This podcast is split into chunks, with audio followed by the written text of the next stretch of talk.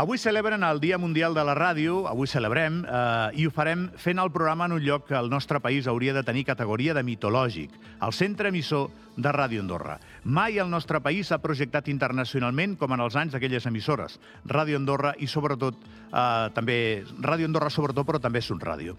Allò eren dos gegants de la radiodifusió i emetien des d'aquí. I la gent que ho escoltava sabia, a través d'aquelles emissores, que hi havia un lloc al món anomenat Andorra, des, que, des del que escoltaven les seves veus i cançons favorites. Fins i tot en algun moment aquestes ràdios tan potents van transportar a través de les zones una idea progressista del món, tal com estava, atrevida respecte a les tendències polítiques d'aquí i d'allà. Les audiències que feien els programes de Ràdio Andorra i les de Sud Ràdio no estan tan documentades com ho estan ara però no és eh, cap bestiesa pensar en milions de persones. Això està més o menys registrat en plural, i uns quants milions de persones. Són, per tant, una pàgina autènticament fascinant de la nostra història, de la història d'Andorra.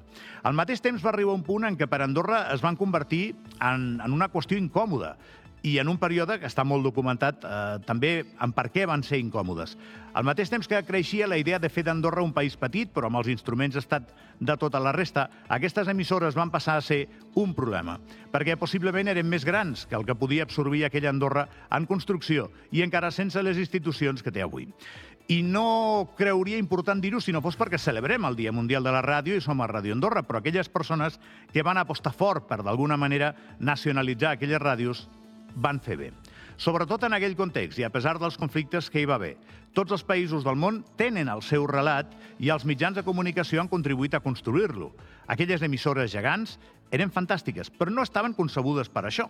Des de l'1 de gener de 1991, això ho està fent Ràdio Nacional d'Andorra. No només, perquè també hi ha ràdios privades al país, eh? però sobretot Ràdio Nacional d'Andorra i amb continuïtat. Us expliquem Andorra i el món des d'una perspectiva local i ens posem cada dia davant del micro demanant-vos que ens escolliu.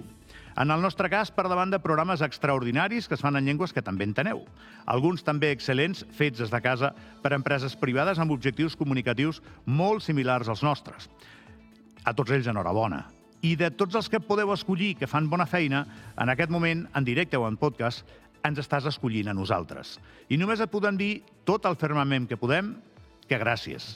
A tu, oient de ràdio, has estat, ets i seràs el motiu per fer el que fem.